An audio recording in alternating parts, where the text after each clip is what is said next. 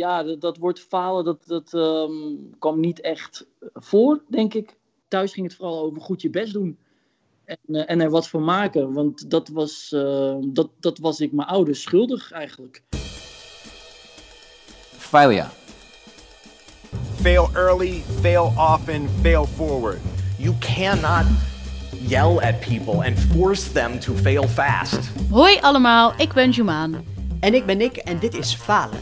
En in Falen zoeken wij uit wat falen vandaag de dag betekent. Omdat iedereen faalt, maar niemand erover praat. Dus wat is falen nou eigenlijk en hoe gaan we ermee om? Elke aflevering nodigen we een gast uit die ons onfeilbaar lijkt. En we interviewen psychologen, sociologen en filosofen. En als ultieme ervaringsdeskundige delen we natuurlijk ook onze eigen inzichten.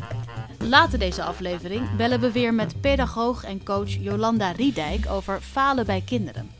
Maar eerst interviewen we een gouden kalf winnende acteur. En je kan hem misschien kennen van uh, de film Rabat of de serie Mokromafia.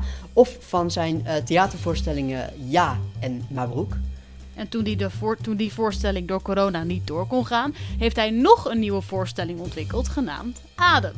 Hier is Nasserdien Tjaar! Hey. Hallo! Hallo! Toffe introducties, hè? Oh, dank je. Hoor het zo. Ja, en die ook niet door kan gaan, hè? Die, die, die, die zin mag, mocht er eigenlijk nog bij. Die ook nog eens Ja, oh. gecanceld is. Jezus Christus. Ja. Want, eh. Kun je die nog later, of wanneer er versoepelingen komen, wil je die weer gaan spelen? Of kan dat? Of hoe, zit Nou dat ja, nu? wij, wij zijn eigenlijk eindeloos aan het verzetten nu, de hele tijd. Ah. Dus op Ah, dit ja. moment heb ik een, een, een, een eigen soort van oudejaarsconferentie gemaakt over dit jaar. Die ik eh, volgend jaar ga spelen. Ah, ja, waarmee ik dus vanaf januari tot met maart eh, ga toeren. Dat is, dat is nu het plan. Het nieuwe plan, ja. Ach god, het is echt niet te doen. Hoe, hoe gaat het verder? Hoe, eh, ja, even los van al deze afzeggingen en shit en zo. Hoe, ben je al corona moe? Ja, nou dat zijn we volgens mij allemaal wel. Maar ik moet Ja. er wel bij zeggen dat, ik, dat er een groot verschil is tussen die eerste... Sorry. Uh-oh. Die, ja, nee, ik heb getest gisteren. ik ben wel een klein beetje verkouden, dat wel. Maar ik vind dat, dat er een groot verschil is tussen die eerste lockdown en, ehm, en, en nu, zeg maar. Bij die eerste, misschien klinkt het heel erg raar, maar los van het feit dat het natuurlijk verschrikkelijk was en, en heftig en, en zo, maar was het ergens ook een soort gek avontuur waar we met z'n allen in zaten. mhm. En ehm, allemaal de schouders eronder, allemaal met de neus dezelfde richting. En bij, nu merk ik gewoon heel erg dat, dat mensen er klaar mee zijn. Maar ja, eh, dat virus is niet klaar met ons. Dus, dus ja, we moeten wel. Dus er, er is een andere, andere vibe. En dat, geldt, dat heb ik zelf ook. En bij Ja. mij komt het Ja. natuurlijk ook omdat ik... Weet je, ik heb keihard gewerkt om een voorstelling te maken. En dan wil je eindelijk spelen en dan kan het niet. Dus ik zat ook een beetje... eh, af en toe werd ik een beetje depressief, zeg maar. ja, Beetje, snap ik. beetje dat gevoel. Ja, Ja. ja. Want toen wij jou benaderden voor, voor deze podcast, wat was, eh, wat was eigenlijk het eerste wat je dacht, gewoon bij het onderwerp? Hoe, hoe, wat, wat vind jij van falen? Ehm, dat falen vind ik, eh, vind ik gewoon. Dat, dat, dat koppel ik wel aan een soort. aan een rotgevoel of zo. Aan een Ja. gevoel. En, ehm, en dat gaat bij mij over van alles. Weet je, eh, falen ehm, in werk. ehm, maar ook falen in, in, mijn gezin, zeg maar. Hoe Mm. verhoud ik me tot mijn vrouw, tot mijn kinderen? En waar zit daar dan dat, dat falen in? Nou ja, Ja. daar- Ja. daar zijn genoeg voorbeelden van dat. Wat, eh, wat was de eerste faal die jij je kan herinneren? Jeetje mina. De eerste faal die ik me kan herinneren is, ehm, denk ik, eh, op school. Oh shit. Middelbare school. Ik vergeet het nooit meer. Ik zat naast Erik van Herel, een van mijn beste vrienden, brugklas. Hij was super slim. Ik was mm, gewoon middelmatig slim. Ehm, en toen hadden we een toets. En eh, dat had ik niet geleerd. En toen dacht ik, weet je wat, ik ga gewoon bij eh, Erik afkijken. Dus toen heb ik alles afgekeken. En toen dacht ik, yeah, deze heb ik in de pocket. Want Erik heeft altijd goede punten. En eh, aan het einde van de les eh, vertelde de leraar dat er twee versies waren. Oh, Nee! Dus ehm, nou ja, toen had ook de leraar door wat ik had gedaan. En daarnaast ah, ja, had ik wel echt wel een goed gevoel van falen. Oh, erg. Nou, dat, is, dat was een voorbeeld. nou, nou moet ik zeggen dat ik daar niet van geleerd heb. Want ik was best wel goed in afkijken. Dat is wel eerlijk. Ja. Goed. Maar durfde je dan met zo'n verhaal bij je ouders aan te komen? Als jij een slecht cijfer haalde, durfde je dat dan... eh, Nee, natuurlijk niet. Weer Nee? Ik gelijk een slipper naar mijn hoofd gegooid. nee, ik, ehm, dat soort dingen, nee, dat besprak ik niet echt thuis. Nee. Hmm. Want hoe, hoe ben je opgevoed met falen? Uh, is no option. Falen Nee? is not an option gewoon. Nee, nee, nou niet, niet, niet zozeer op die manier hoor. Het is, eh, het is eerder, eh, ik ben, ja, dat, dat woord falen, dat, dat ehm, kwam niet echt voor, denk ik. Het, is, was vooral, het ging vooral over, altijd thuis ging het vooral over goed je best doen. Oh ja. En, eh, en er wat van maken. Want dat was, eh, dat, dat was ik mijn ouders schuldig eigenlijk. Weet je, die, eh, die hebben hun dromen moeten opofferen. Ehm, voor, voor ons, voor, eh, zodat wij een beter leven hebben. Ja. En dat is, wat, dat is wel, wel veel gezegd. Van, ja, daar waar zij geen diploma's konden halen, is het aan ons om dat wel te doen. Ah, ja. Dus, dus daarin falen was ook niet echt een, eh, een optie of zo. Oh ja. Ik denk dat ik ook, ik- als ik heel eerlijk ben, even los van het feit dat ik als motto heb: ehm, A quitter never wins and a winner never quits. Eh, vind ik dus dat je altijd, als je iets begint, moet je het ook afmaken. Mm. Maar zo'n zo'n diploma bedrijfseconomie, wat ik heb bijvoorbeeld, eh, Ja. waar ik zeven jaar over heb gedaan, Ja. nou, die heb ik ook zeker voor mijn ouders gedaan, zeg maar. Ah, ja. Oh. Ja, Ja. precies. Want zij verwachten van jou op zijn minst dat je het dan ook afmaakt en gewoon een papiertje hebt. En daarvoor deed je het eigenlijk. Nou, dat afmaken, dat, dat, dat heb ik dan vooral als instelling, maar voor mijn ouders was dat papiertje gewoon heel belangrijk. Ah, ja. Oh ja.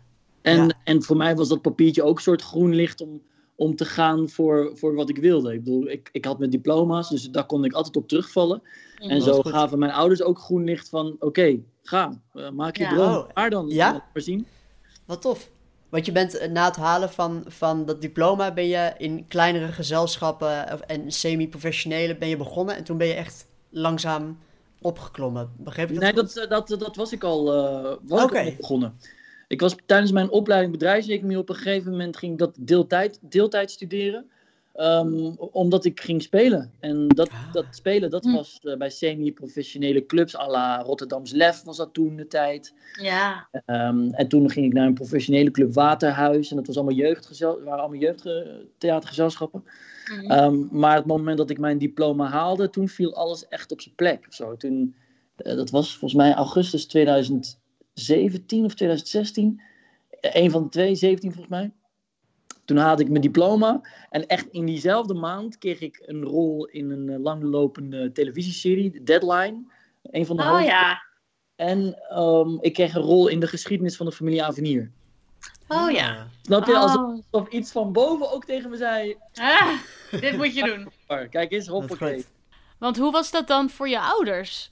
Als in, eh, accepteerden zij ook met open armen eh, de keuze om dan voor het acteren te gaan? Of wilden ze toch jou heel graag in het bedrijfsleven zien? Nee, nee, dat hebben ze hebben me gelukkig altijd eh, daarin. eh, eh, daar hebben ze alles. in- Ja, ze, hoe zeg je dat? Ze, ze, ze hebben er altijd me. ze stonden altijd achter me. Hè? Dat Ja. heb gedaan. Vooral sinds ik mijn diploma haalde, was het helemaal. Ja, dit is nou eenmaal wat hij wilde doen. En eh, het gaat goed. Het doet mooie dingen. En ze, ze komen ook altijd kijken. Ah. Mm, Dus ehm, nee, mijn ouders staan gelukkig altijd wel achter me wat dat betreft. Oh. Wat super dat? belangrijk eh, is ook, vind ik. Daar ben, Ja, ik, ben ik hen ook echt zo dankbaar voor. Ja. Want zo het, eh, vanzelfsprekend is dat helaas niet. Als ik kijk bij mensen om me heen, met mensen met een migratieachtergrond die gekozen hebben voor acteren. Ja, daar zit toch wel een groot verschil hoor. Ja, dan vinden ze dat je toch een echt beroep moet gaan doen. Ja, precies. Die soort Ja. VVD-mentaliteit. Ja, toch? Oh, wauw.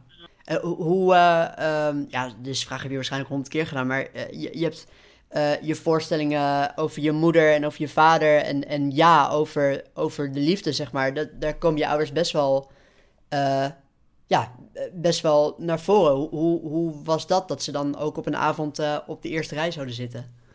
Ja, eh, dat is altijd, altijd spannend. Maar tegelijkertijd ehm, ja, kom je dan toch wel weer bij dat vertrouwen terecht. En dus eh, zij hebben altijd wel het vertrouwen dat ik, dat ik ehm, hun verhalen niet misbruik of zo, weet je wel. Mm, Wat goed. Ja. Dat Mooi. ik ehm, zo, zo eerlijk mogelijk dat, dat die verhalen wil vertellen. En daar zitten, daar zitten ook pijnlijke dingen in. Maar die pijnlijke dingen zijn ook dingen die zij ehm, belangrijk vinden om, weet je wel, om te vertellen. En, dus ze staan gelukkig altijd wel eh, achter de verhalen die ik, eh, die ik heb verteld tot nu toe. Ja. En, En, ze zijn altijd super trots. Dat is ook altijd leuk. Dat is echt super. Ik, Ah, heb, ik, ik, heb, ik heb natuurlijk een voorstelling gemaakt over mijn vader. Onder andere. ja. Ehm, maar ook over de liefde. En ik moet zeggen dat ik over de liefde, daar was ik wel een beetje gespannen over. Van wat, hoe gaan ze dat vinden? De liefde is natuurlijk wel altijd een moeilijk onderwerp geweest. Een onderwerp waar, je niet makkelijk, waar we niet makkelijk over praten. Een schaamtegevoel. Ehm, en toen zij die voorstelling zagen, toen was het eerste wat mijn vader zei, was zo, deze was echt nog, nog beter dan die eh, voorstelling die je over mij gemaakt hebt. Oh, echt? Wat vet. Dat is leuk. Dat was Goed. wel- dat was Oh, Heel lief. fijn. En, ehm Ja, Het heeft allemaal niks met falen te maken trouwens. nou, maar niet Nee, uit. maar falen, falen is een beetje een springplank voor onze podcast. Dus als we gewoon Ja. lekker een beetje in de rond te lullen, dan, eh, dan is dat helemaal prima. En het heeft we heel ook veel... over succesvolle dingen hebben. Daarom, het heeft heel veel raakvlakken met wat succes ook is natuurlijk. Als je, eh, ja, het heeft, eh, jouw definitie van zowel succes als falen hangen heel erg samen, snap je? Dus vandaar. Absoluut. Ik heb, ik heb bij elke productie, eh, ja, heb ik wel de angst om te falen. Ja? Ja? Ja, zeker. Altijd wanneer ik begin, dan... Eigenlijk zou je daar Floris over moeten spreken, maar... eh, Floris heeft het geregisseerd en geschreven. Ja. toch? Je, je ja, wij, schrijven samen en Floris die regisseert het. Ja, oh ja. Dus eigenlijk, eigenlijk maken we het gewoon echt samen. Ja. Uh, maar die heeft volgens mij bij el- elke productie die we samen gemaakt hebben, hebben we wel een moment gehad dat hij me wegstuurt en zegt: Oké, weet je, ga jij eventjes. uh, ga je even naar de film of zo? Even, even je focus ergens anders op. Dan ga ik ook even aan de slag hiermee. Uh, komt goed. Ja. Gewoon de angst helpt, dat, helpt dat het niet, niet goed komt, dat het, dat, het, dat het niks wordt. Ja, die is er altijd. Want wat, waar, waar ben je dan bang voor als je op zo'n punt in het proces terechtkomt? Wat, uh, wat is die angst? Die angst is dat, je, dat ik niet, um, niet die level haal als, als zeg maar mijn vorige stuk of zo, weet je wel? Het is, ah, ja. het is ergens, ja, de, met, met Umi en Dad. Dad was natuurlijk mijn eerste echt stuk, echt de voorstelling die ik zelf met Floris geschreven heb. Umi was geschreven door Maria Goos. Mm -hmm. ja. Maar na Dad heb je toch ergens een soort lat hoog uh, gelegd. Zo hoog dat je, ja, dat je daar liever niet onder wil of zo. Ja. Um, dat zorgt voor druk en voor onzekerheid en voor faalangst en nou ja, dat soort, uh, dat soort dingen. En hoe meet je dat dan? Want je zegt die lat is hoog gelegd. Is die lat hoog gelegd mede door reacties uit het publiek of door volle zalen of door recensies? De combinatie van die drie. Hmm. Uh, um, en ik hecht vooral waarde aan, uh, aan het publiek, reacties van het publiek. Oh ja. Oh, ja. Um, recensies zijn natuurlijk altijd wel belangrijk, omdat je met recensies ook weer publiek genereert ergens. Maar, maar in die end vind ik toch vooral de, de reacties van mensen zo. Uh, ja, daar gaat, het, daar gaat het om. Het gaat mij niet om die ene persoon die voor een krant schrijft en die weet ik hoeveel voorstellingen beoordeelt. Het gaat mij om mensen die een kaartje hebben gekocht om naar me te komen kijken en naar mijn verhaal te komen luisteren. Ja. ja. En als die uh, met mooie reacties komen, ja, dat is wel. Uh, ja, dat zijn, dat zijn cadeautjes, zeg maar.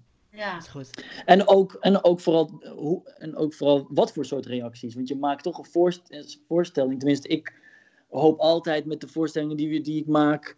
Uh, iets te triggeren bij het publiek. Dat ze ergens over na gaan denken. Dat ik ze roer. Op wat voor, Ja. voor manier dan ook. En als je dat dan terugkrijgt, dan denk je wel: ah ja, fuck. Yes, mission accomplished. Ja, Ja. ja. Je hebt twee jonge kinderen en ik vroeg me af, uh, wat, wil je hen iets meegeven op het gebied van falen en slagen? Ja, zeker. Ja, ja, ja, want ik merk bijvoorbeeld nu al dat mijn dochter bijvoorbeeld, uh, Dina, die is, heel, uh, die, is, die is heel streng voor zichzelf. Dus Ja. wanneer iets niet lukt, dat ze dan best verdrietig kan worden. En ehm, ja, daar zit ik wel op hoor. Van ja, dat, is, het is helemaal, dat, dat dat helemaal niet erg is als iets niet lukt. Want dan, dan ga je het gewoon nog een keer proberen. En dan ga je gewoon eigenlijk. Niemand kan iets gelijk in één keer alles goed doen. Ehm, en dat werkt ook zo door later, weet je wel. Als straks eh, voor het eerst weet ik wat gaat doen. eh, weer- eh, nou ja, het- genoeg voorbeelden te geven natuurlijk. Van wat, wat, ze nog Ja. allemaal gaat, wat er nog allemaal in haar leven gaat gebeuren, hopelijk. Mm. Ehm, dus dat, dat streng zijn voor zichzelf, dat soort perfectionisme, is ergens, vind ik ergens ook best, best wel oké. maar het is niet iets waar je. Als ik nu al zie dat ze daar nu al verdrietig van wordt als iets niet lukt, dat, dan dat klopt niet. Dus dat, eh, ja, daar hoop ik. ehm, daar zit ik gewoon op, zeg maar. En eh, probeer ik zoveel mogelijk eh, ehm, haar op te attenderen en, en haar in te helpen. Ben jij een perfectionist? Ja, ik denk het wel. In ieder Ja? geval op het gebied van werk zeker wel, ja. En wanneer is het goed? Of is het ooit goed of af? Ja, ik denk dat wij daar alle drie wel het antwoord op weten, denk ik, toch? Nooit! Ja. Dat is, ik denk dat het ook een soort de... Het pijnlijke is van ons vak, is dat dat volgens mij nooit is.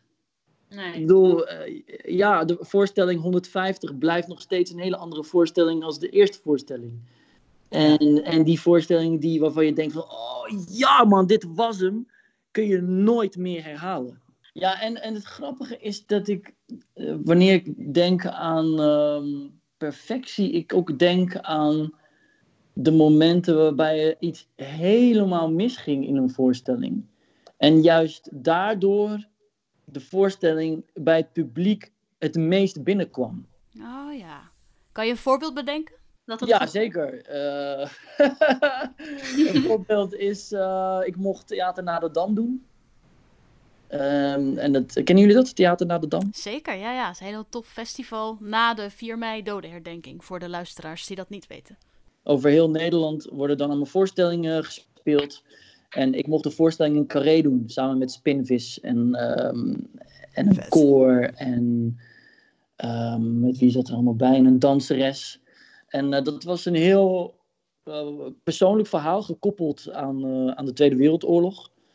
Ehm, nou ja, Carré, dat is natuurlijk al crazy. Ja. Eh, Theater naar de Dam is iets wat je eenmalig speelt. Dus, dus dat is ook nog eens crazy. Je voelt gewoon een enorme druk. Wat, wat ook op dat moment verschrikkelijk is. Maar achteraf denk je altijd alleen maar: oh wow, wat, wat, wat te gek was dat.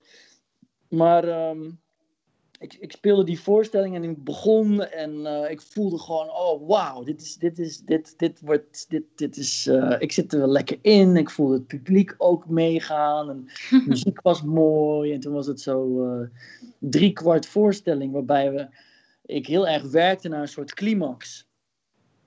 En die climax begon en het was een opsomming van, gewoon een enorme opsomming. Ehm, en in die opsomming ging het helemaal mis. Oh shit. Gewoon letterlijk, letterlijk niet meer weten wat ik moest zeggen. Gewoon een blackout, zeg maar. Een hele heftige blackout. Oh, wat erg. En dat, en dat eigenlijk in een opsomming die, in- ja, waar, waar je naar hebt, eh, na- naartoe hebt gebouwd. En die, je- die je eigenlijk op die manier ook moest, die ik op die manier ook zo gerepeteerd had. Oh ja. Dat Zo uit je mouw schudden, zeg maar. Precies. Ja. Oh. En dat ging halverwege ging dat mis. Ja, en wat doe je dan? Weet je wel? Er, er- je eruit improviseren lukte me ook niet. Dus dat, dat viel een stuk. En ik zag al mijn eh, collega's op de vloer, en dat waren nogal wat, zag ik allemaal in een soort kramp schieten van, what the fuck? En ik dacht, Oh. what the fuck? En eh, je kon een speld horen vallen op, in de zaal. Ja, en toen ben ik gewoon heel eerlijk geweest en heb ik gezegd, eh, sorry dames en heren, ik heb een blackout. Wauw, wat goed. Wat goed. En toen heb ik mijn script gepakt. Heb ik een script bijgehaald. en die had, ik, die had ik gewoon daar gelegd ergens. Dat doe ik trouwens altijd. Ik heb altijd mijn script bij me op de vloer. Die verstop ik altijd ergens. Echt, wat goed. Ja, dat is een soort... Ja, ik weet het niet. Dat heb ik gewoon altijd al gedaan. Vangnet. Ehm, Een soort talisman. Voor Ja. just in case. case. ja. Ja.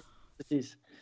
En eh, heb ik mijn script gepakt en toen gezocht naar waar, ik, waar het misging. Ja, dat gaat dan om één woordje die je dan niet weet. Oh, ja. Ja, en dan pak je het op en dan, dan ga je weer door. Maar dat is. Kijk, ik, ik dacht op dat moment.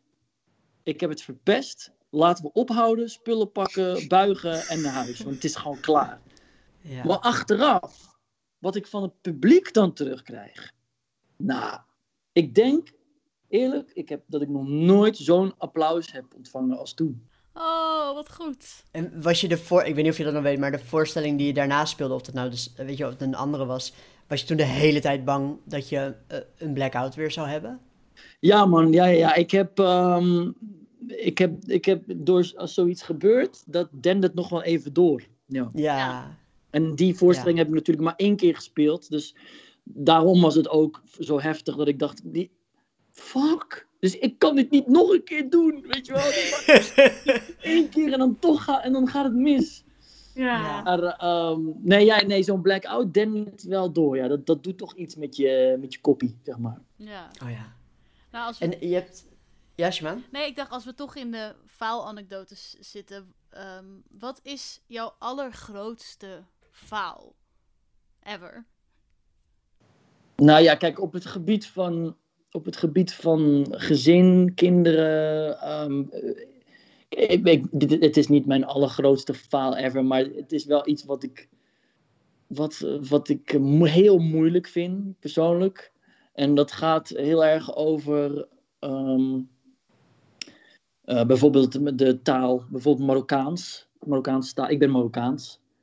Ehm, ik spreek het helaas gewoon niet heel veel, waardoor mijn vocabulaire ook gewoon eh, steeds minder wordt. Mhm. Ehm, en dat falen, dat zit er dan heel erg zo naar mijn kinderen toe. Dat ik heel graag wil dat zij dat meekrijgen, maar ik geen idee heb hoe ik dat moet doen. Omdat Ah. ik, ik denk in het Nederlands, ik droom in het Nederlands. Alles, als ik een gesprek voer, dan, dan, dan is dat in het Nederlands. Want in het Marokkaans kom ik gewoon niet verder dan het eh, hallo, hoe is het? eh, nou ja, weet je, ik, kan, ik, ik heb gewoon de woorden niet. Nee. En, Oh ja. ehm, en ik merk dat dat wel, dat, dat, eh, dat vind ik wel, dat doet wel pijn zo ergens. Je vertelde ook ooit in een interview, las ik, eh, dat je vader niet zo goed Nederlands spreekt en jij niet zo goed Marokkaans. Dus dat jullie, dat dat in gesprekken nogal moeilijk is. Ja man, ja. Is dat nu ook met, met tussen opa en kleinkinderen? Is dat lastig? Nou ja, voor, voor- voorlopig nog niet, omdat de gesprekken natuurlijk niet zo diep gaan. Maar zodra, ze, zo- zodra, zodra je gewoon eh, diepe gesprekken wil voeren, dan, ehm, dan is het lastig. En ja, dat soort gesprekken zou ik graag met mijn ouders willen voeren. Mhm. Maar dat, ja, dat lukt toch niet echt. En dat is, ehm, ja, dat, dat, dat voel ik wel of zo. En voelt dat dan Ja. als een faal omdat je dan het gevoel hebt. ehm, voelt het alsof je je kinderen een tweede taal ontzegt? Of heb je het meer het gevoel dat je faalt naar, je, naar, naar de Marokkaanse cultuur en je ouders toe of zo? Ja, beide. Ah ja. Hmm. Ja, dus dat is dubbel. Ja. Ik had toevallig echt van de week nog had ik het er met, eh, met Dina over. Van, dat ik aan haar vroeg van hoe zou je het vinden als wij. Als, als jullie, als jullie een paar, paar jaartjes ouder zijn, dan is Melik straks zeven en jij zo negen. En dat we dan met z'n vieren, dus ik, mama, jij en Melik, dat we dan eh, Marokkaanse les gaan volgen. Ja. Ah, dat is leuk. Nou, echt, wat leuk. Zometeen praten we verder met Nasserdin, maar eerst bellen we even met pedagoog en coach Jolanda Riedijk over falen bij kinderen. Onze allereerste vraag is, wat is falen voor een baby? Nou, gelukkig houdt een baby zich daar nog helemaal niet mee bezig. Die heeft daar nog geen gedachten over en geen gevoelens, gelukkig. Dus eh, dat komt in een latere fase van zijn ontwikkeling. Oh, oké. En eh, vanaf hoe oud komt het, begint het dan een beetje te komen? Vanaf een jaar of drie, eh, dan begint een kind het besef te krijgen van falen. In het derde levensjaar, wanneer Ah. zelfbewustzijn en het voorstellingsvermogen zich beginnen te ontwikkelen, dan eh, worden emoties als schaamte, schuld en verlegenheid en trots, die beginnen zich dan te ontwikkelen. Hoe zijn die emoties voor een kleuter eh, anders dan bijvoorbeeld voor een, een puber of een adolescent? Nou, een peuter die eh, evalueert zichzelf en eh, reageert eh, emotioneel op succes en op falen, maar die heeft vooral nog de emoties op het gezicht van ouders nodig. Hè, die, die heeft die emoties op dat gezicht nodig om te kijken welke aanwijzingen krijg ik eigenlijk en welke betekenis heeft dit op de gebeurtenis om mij heen. En als je nadenkt over een, ehm, een jong schoolkind of een puber, die heeft daarin zichzelf natuurlijk al veel meer kunnen ontwikkelen. Dat neemt niet weg dat hij daar geen gevoelens over heeft, want dat heeft ook vaak weer te maken met de omgeving. Hoe reageren ouders op eh, prestaties of op falen? Of de school, hoe reageren die daarop? En ehm, is het zeg maar, is falen eh, eigenlijk aangeboren, dat gevoel van falen? Of denk je dat het aangeleerd is, zeg maar? Nou, blijkt dat het ene kind daar gevoeliger voor is, hè, voor faalangst, dan het andere kind. En je zou kunnen eh, zeggen dat daar wel een, een erfelijke factor in zit. Maar ehm, het kan natuurlijk wel gevoed worden door eh, reacties van de omgeving. Hè, of eh, kinderen in een, ehm, nou ja, een bijzondere thuissituatie die daar wat meer spanning ervaren, die zullen ook sneller faalangstig zijn. Of eh, ouders die heel erg gericht zijn op prestaties. En hoe reageer je daar als ouder op? Ja. En hoe adviseer jij ouders om eh, om te gaan met het falen van een kind? Nou, ik hoop dat ouders niet geneigd zijn in denken over mijn kind faalt. Eh, dat zij kunnen zien dat fouten maken hoort bij ontwikkeling, bij een leerproces. En dat gaat met vallen en opstaan. Ja. En het is belangrijk dat een ouder de faalangst herkent. En dat ook bespreekbaar maakt. En dat het kind het gevoel geeft: ik ben er voor jou, ik wil je helpen hierbij. En ehm, bied thuis vooral een veilige omgeving. Eh, werk ook aan het vertrouwen tussen jou en je kind. Ehm, en het is ook wel belangrijk als ouder om na te denken over je verwachtingen die je hebt over de prestaties van je kind. Hè. Klopt dat wel met de leeftijd van je kind of met de ontwikkeling waar die op dat moment in zit? Of de mogelijkheden die in het kind zitten? Als je het kind daarin overvraagt, dan zal die ook sneller geneigd zijn eh, om faalangstig te worden. Dat kan eh, ja, eh, passief werken. Ehm, nou, wanneer je je inspanningen van je kind vooral, wanneer je je aandacht richt op de inspanningen van je kind, hè, dus op het proces en niet zozeer op het resultaat. Dus het kind een compliment geven over ehm, ehm, zijn inspanning. Jeetje, wat heb jij ontzettend je best gedaan daarop. In plaats van een compliment geven, goed zeg dat jij die acht hebt gehaald. En Want complimenten geven, dat zie ik ook wel eens in het onderwijs, dat is heel goed bedoeld, maar kan ook faalangst in de hand werken. Oh ja. Dat, dat, ze, dat ze het gevoel hebben van: oh, ik heb, eh, ik heb een 8 gehaald, ik moet dat nu herhalen. En wat ik eh, leerkrachten soms ook nog goed bedoeld hoor zeggen tegen eh, hun leerlingen: Ja, maar dat kan jij, want jij bent hartstikke slim. En ik, ik spreek heel veel kinderen die zeggen dan één op één: Ja, maar als de juf of meester zegt dat ik heel slim ben en het lukt me een keer niet, dan betekent dat dus eigenlijk dat ik dom ben. Oh god. Oh. Dus ik zie kinderen dan regelmatig naar de prullenbak lopen, puntjes slijpen of even naar het toilet gaan. Of ehm, het werkje is ineens verstopt. Het is weg, kwijt, kan het niet meer vinden. Oh god. Een, een leerkracht en, en een ouder moeten zich heel erg bewust zijn van de feedback die je geeft op ehm, ja, het handelen van een kind. En heb je, het, heb je het idee dat we vroeger anders omgingen met falen? Of dat, we, ja, dat de kinderen vroeger anders werden opgevoed met falen dan nu?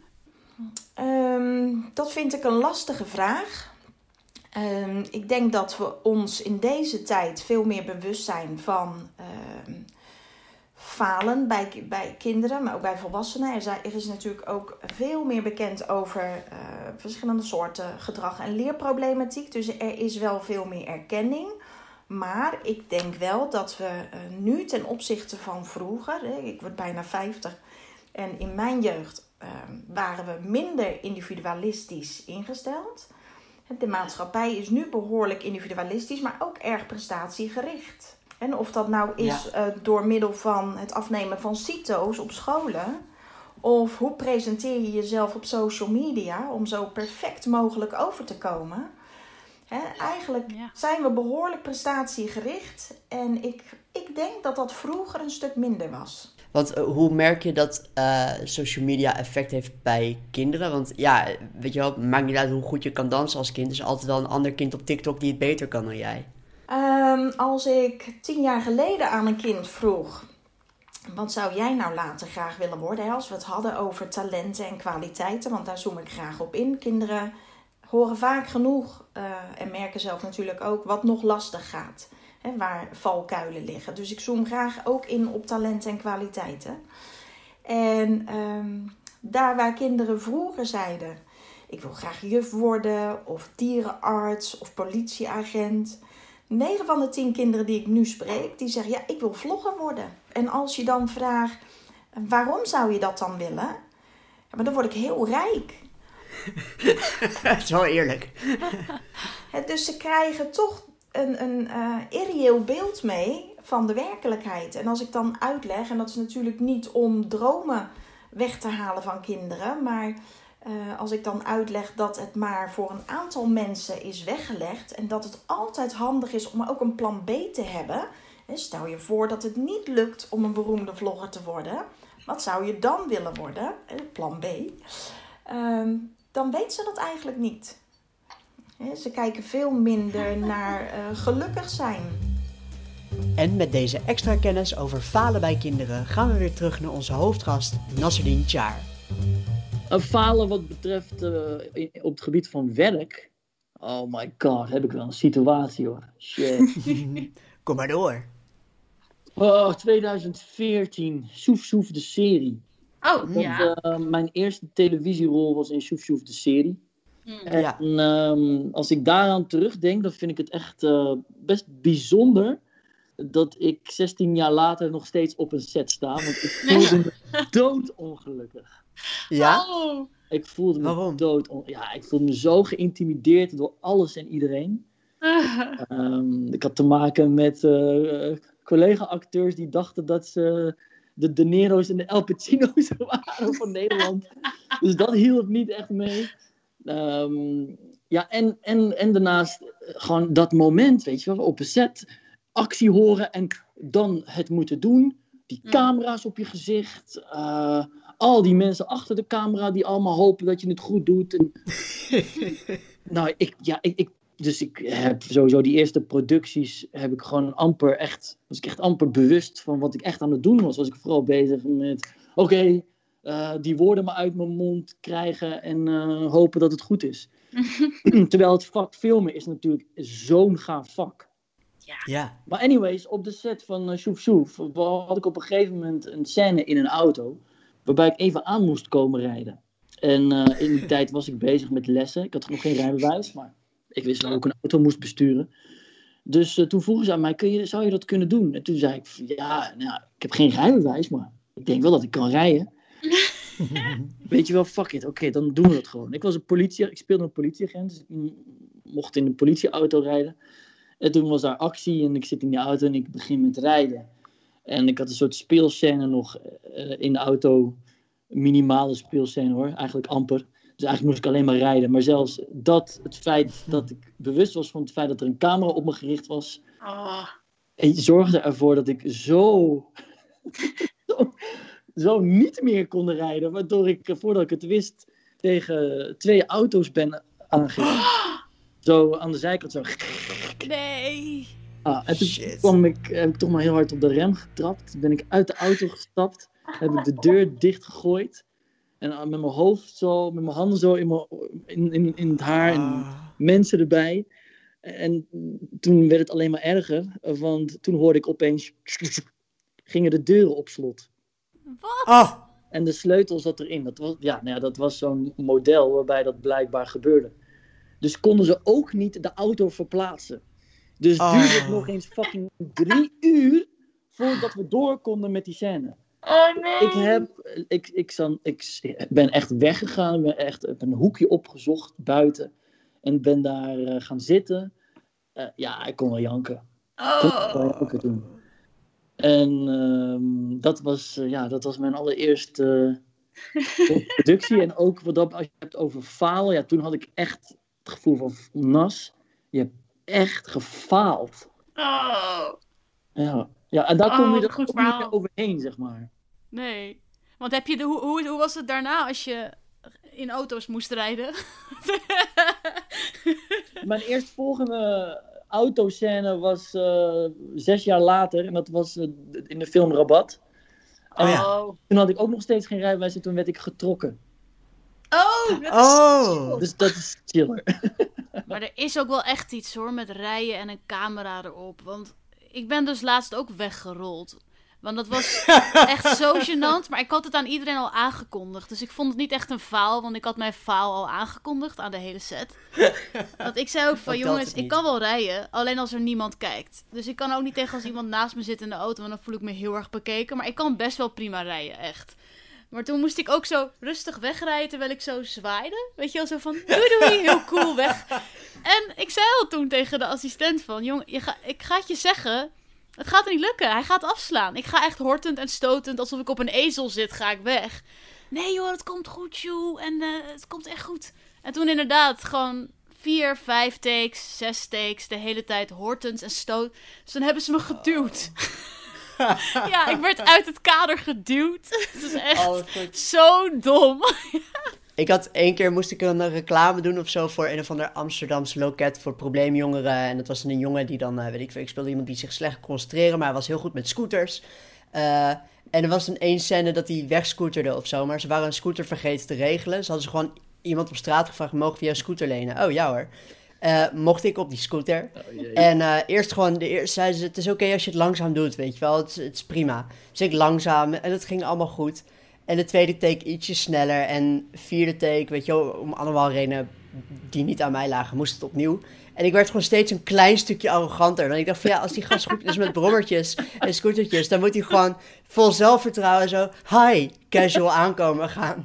Nou, ik ben keihard op mijn bek gegaan met die scooter. Ik heb dat ding helemaal kapot gemaakt. Holy shit. Ja, zo shit.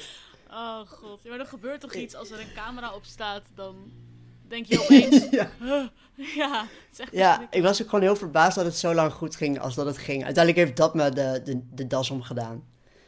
hey, maar om even op Rabat terug te komen. Want, ehm, nou ja, dat was natuurlijk ook het jaar waarin je je Gouden Kalf won.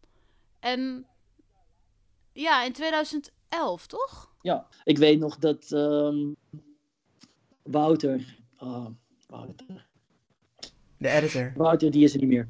Ja. Nee. Ehm, maar die heeft, ehm, die heeft eh, Rabat gemonteerd. Hm. ja. En ehm, ik kan me herinneren dat hij zei: Gast, je hebt gewoon na elke take, hè, en eh, goed of slecht, maar zelfs ook bij de goede takes, hoor ik jou altijd zeggen: Kut en kak en fuck.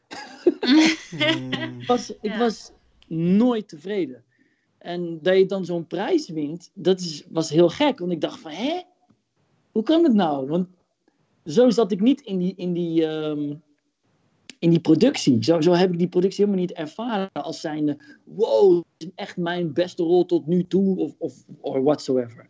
Ja. Ik was vooral bezig met die struggle. En die struggle klopte weer heel erg met die rol. ja. En ik moet zeggen dat ik daar wel enorm van geleerd heb. Want ik heb toen wel tegen mezelf gezegd. En het komt ook mede door, door Chico. Ik zal zijn woorden ook nooit vergeten toen we richting Zuid-Spanje reden. En dat hij, dat hij mij toen aansprak op het feit eh, dat ik eigenlijk een ongelooflijke bijzondere tijd aan het. ehm, eigenlijk voor mezelf aan het verzieken ben door hoe, hoe, hoe heftig ik in mijn eigen hoofd zit. En alleen maar negatief ben over alles. Ja. En hij wees mij op eh, dat woord genieten. Van gast, probeer alsjeblieft van deze laatste fase van deze productie ook gewoon, probeer ook te genieten. Want dit, dit, eh, dit gaan we niet meer meemaken. En hoe, hoe was het? Ik bedoel, het lijkt mij best wel grappig om dan een soort van nou, super erkenning te krijgen dat je iets toch wel echt heel succesvol en goed aan het doen bent. Ehm, hoe was het vanaf toen? Ehm, was je toen veel met nou, die lat die zo hoog la- lag bezig? Had je, was je veel met succesvol zijn bezig, zeg maar? Nee, nee, totaal niet eigenlijk. Nee, ehm, nee, ik was eigenlijk vooral bezig met, eh, kijk, wat, er- wat er toen gebeurde was dat ik opeens ehm, ja, na- nationaal nieuws werd. En eh, een soort, ja, door die, door die 2,5 minuut opeens bekend werd in Nederland. Ja. En iedereen een mening over mij had. En, dus ik, ik moet zeggen dat ik, dat, ik, dat, dat, dat ik daar heel lang mee bezig was. Ook om dat ergens een plek te geven. Mhm. Ja, En daarnaast, ehm, ja, wat er bij mij wat, er- wat er gebeurde, was toch ook die vloek, die gouden kalfvloek. Ik heb denk die twee jaar daarna heb ik echt eh, alleen maar kleine dingen mogen doen. Wat gek, want daar hadden we het inderdaad laatst over. Van, je zou denken, nu komen alle rollen, de telefoon staat roodgloeiend. Nee hoor. Nee, en, en daarnaast was ik in die tijd ook, ook echt heel veel met theater bezig. Ook. Bij het Rood Theater, weet ik nog, met Branden en Kust. En eh, gewoon to- toffe theaterproducties. Dus ik, ik, was, ik was helemaal niet zo... ehm, ik vond het eh, ja, eh, absoluut een vorm van erkenning. Maar wat ik ook, wat ik ook in mijn speech toen zei, was, is voor mij die Gouden Kalf ook, gaat vooral ook over die drie-eenheid. Over ons met z'n drieën. Want Mhm. ja, dat eigenlijk, eigenlijk, nou ja, ja, die kalf staat voor mij ook voor die, voor die, voor die, die drie jongens. Ja. Ehm, ja, en, en, was ik, en was ik, eh, merkte ik ook wat, wat, je, wat het betekent om je stem te laten horen. Gewoon Ja. eh, op een hele andere level. Ik was iemand die sowieso wel altijd wel van me liet horen. Of het nou op school was, op de basisschool of de middelbare school. Ik was altijd wel bezig met, met onrecht aankaarten, met spreekbeurten over rassenhaat en over Marokko en over dat, dat andere verhaal, zeg maar. Mhm. Ehm, ja, en nu zei ik iets wat, wat nationaal impact had en wat daar eigenlijk ook allemaal mee te maken had. Ja. Dus ehm, ik was in die tijd ook heel erg bezig met, met die stemvormen. Oké, wat, wat betekent dit nu dan eigenlijk? Nu ik dit gezegd ja, heb. Ja. Ehm, en en wat, voor, wat voor functie heb ik hierin? Ehm mensen, verwachtingen, hoe, hoe ga ik om met allerlei verwachtingen? Want dat hadden mensen opeens. Ik werd overal uitgenodigd om te praten en zo. Terwijl, ja, ik had toen, ik had gewoon uit een soort opwelling heb ik dat toen gezegd. Ja. Omdat ik heel blij was en omdat ik Dus, eh, hoe was het voor je dat heel Nederland daar toen een, een mening over had? Ja, dat was, dat was crazy, man. Dat was echt, eh, dat had wel even impact, ja. Ja. Ja, dat, ehm poef. Dat was fucking negen jaar geleden. hè. Ja. Maar het was wel een epic speech, man. Maar snap Ja, ik- negen ja. jaar later hebben we het er nog steeds over. Ja. Sterker Ja, nog, dat is negen jaar later word ik nog steeds op straat gefeliciteerd. Met, hé hey man, gefeliciteerd met Wat goed.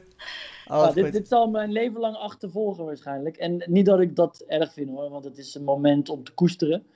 En, en ook een moment in de, in, ja, ook in de Nederlandse film is dat een moment geweest, blijkbaar. Ehm, Ja. Maar ja, te kijken, de, de side effect, of side effect is eerder, als je kijkt naar die woorden die ik toen uitsprak en naar nu, dan, heb, dan is er ook een hele, ehm, ja, een hele pijnlijke conclusie. ehm, is ook een hele pijnlijke conclusie daaraan te koppelen. En dat is dat er eigenlijk vrij weinig veranderd is. Sterker nog, het is alleen maar erger geworden. Ja, vind je dat het... eh, Uh, ja, ja, zeker joh. Uh, ik bedoel, ik, ik heb het letterlijk over angst. Ja. Nou, dat, dat injecteren van angst, dat is alleen maar erger geworden helaas. Ja. Je hebt het gevoel als het ware dat de maatschappij daarin verder gefaald is. met, eh, met die angst binnen perken te houden. Ja, Voel jij... anders had je nooit, anders had je in Europa ook sowieso nooit dat, dat soort, die extreemrechtse partijen die, eh, die zo, ja, die toch best wel groot zijn geworden, zeg maar. Mhm, Ja. In de afgelopen Ja. tien jaar. Zeker. Voel jij je verantwoordelijk als in naar de Marokkaanse gemeenschap toe? Ben je daar überhaupt mee bezig? Of... Nee, ik ben, ik ben niet bezig met een gevoel van verantwoordelijkheid. Ik ben vooral bezig met, ehm, met het vertellen van verhalen om, om de Marokkaanse gemeenschap beter te begrijpen of zo. Als je, kijk, Mhm. om een voorbeeld te geven, zo die verhalen over mijn vader en mijn moeder, dat zijn natuurlijk verhalen van de eerste generatie. Die heb ik natuurlijk superveel gespeeld. En Ehm 9 van de 10 keer was, het, was de reactie van het publiek was, jeetje, ik heb nooit stilgestaan bij dit soort verhalen. Nou, Ja. daar gaat het mij vooral om. Daar voel ik een verantwoordelijkheid. Ja. Ehm, omdat ik gewoon 100% weet dat wanneer dit soort verhalen gewoon onderdeel zijn van dat Nederlandse DNA. En wat, wat ik ook vind dat dat onderdeel is van het Nederlandse DNA. Ik bedoel, de verhalen van die de migraat, mig- migrantenverhalen zijn ook eh, Nederlandse verhalen. Behoren ook tot, het Ne- tot de Nederlandse geschiedenis. En als die meegenomen worden op die manier, ja, dan gaan mensen echt wel anders naar elkaar kijken en, eh, en anders met elkaar praten. Ehm, en vooral dat is denk ik belangrijk. En dat, dat, dat is op, op allerlei niveaus is dat belangrijk. Ook op, eh, op niveau van, eh, van scholing, zeg maar. Mhm. Eh, de- ik weet zeker dat de, de, de, de Hishams en de Fati, Fatimaatjes die nu opgroeien, als zij bij geschiedenisles de verhalen over hun ouders te horen krijgen, dat, er dan, dat ze dan toch denken: yeah man, I'm re- ik word gerepresenteerd, weet je wel. hier. Ja, ja. Ja. Dus Ja. Dit is ook, dat is ook Nederland. En, ehm, en daarmee creëer je ook een, een vorm van eh, maatschappelijke inclusie. Ja. Ja. Wat juist super belangrijk is in deze tijd. Ja. Ja. En je hebt ooit gezegd dat je best wel een angsthaas bent. En ik vroeg me af, hoe, hoe gaat het daar nu mee en hoe ga je met je angsten om? Ja, daar gaat het eigenlijk eh, vrij goed mee. Ja? Ja, Goed. ja, ik, kan niet, ik kan niet anders zeggen dan. ehm, en daarvoor ga ik ook even afkloppen. Maar eigenlijk sinds ik vader ben geworden. ehm, Oh, heb ik daar eh, vrij weinig eh, last van gehad meer. Goed. En ik, ik, ik, ik weet, ik, ja, nou ja, goed. Ik had laatst had ik een interview en toen was ik daar zo'n beetje over aan het. Eh, hardop over aan het nadenken van waar dat dan door zou komen. Maar toen kwam ik op een gegeven moment denk uit bij. Ik was natuurlijk heel erg bang voor eh, uiteindelijk voor doodgaan. Mhm. En nu denk ik bij doodgaan vooral aan mijn kinderen. Van ja, dan, mijn, mijn kinderen zijn er dan. Dus, dus, dus ergens ga ik ook weer door of zo. Ja, je moet wel doorgaan voor hun, dus ja. Nou, nou ja, en zij, zij zijn er. Snap je? Ja. Dus ik heb gewoon. ehm, ik, heb, ik, heb, ik heb iets wat, waardoor het leven toch ook weer doorgaat. Ook al, Mm. ook al- stel dat ik nu dood zou gaan. En dat als je geen kinderen hebt, ja, dan houdt het echt gewoon op. Snap je? Ja, ja. Ja. of is het heel ik. vaag? Nee, Nee, nee, nee, nee, helemaal ik- ik niet. denk nee, dat ik ik, het vind het snap. heel, ik vind het heel mooi. Het is natuurlijk, Nick en ik hebben allebei nog geen kinderen. Dus ik kan me alleen maar dat gevoel voorstellen. Maar ik zou niet weten hoe het is om. Nou ja, ik kan. Ja, ik- ja dat klinkt heel mooi. Ja, Ja. En, het, en het gekke daarvan is, is dat juist heel veel mensen die ouders die kinderen krijgen, die hebben juist het omgekeerde. Die, die krijgen dan vooral eh, de angst Ja. voor om dood te gaan. Want ja, je wil, je wil je kinderen niet achterlaten, je wil ze zien opgroeien. En, Ja. ja, en natuurlijk heb dat heb ik ook wel, maar ja, dat, dat, dat, dat, is niet echt. Dat er wel een stuk van je voortleeft. Dat, daar heb je een soort berusting in, Ja, zeg maar. precies ja. Nou ja. Ik wou nog eh, als zeg maar mooie aftrapper. Of aftrapper, hoe heet dat? Inkopper. Afsluiter. Waarom deze voetbal, voetbalmetafoor opeens? Om het mooi af te sluiten. Is er, is er een faal die je koste wat het kost wil vermijden? Ah, pff. nee. Want ik denk dat in falen ook gewoon ehm, ook veel leermomenten zitten. Mhm. En, ehm, dus het is, in die end is het helemaal niet erg om te falen, denk ik. Mooie afsluiter. Ja, Goeie zeker. uitknallen, ja. Echt heel erg bedankt voor, Dankjewel. voor je openheid. Ja, Lief man, ja, en, en, en vrouw. En, ik denk dat we...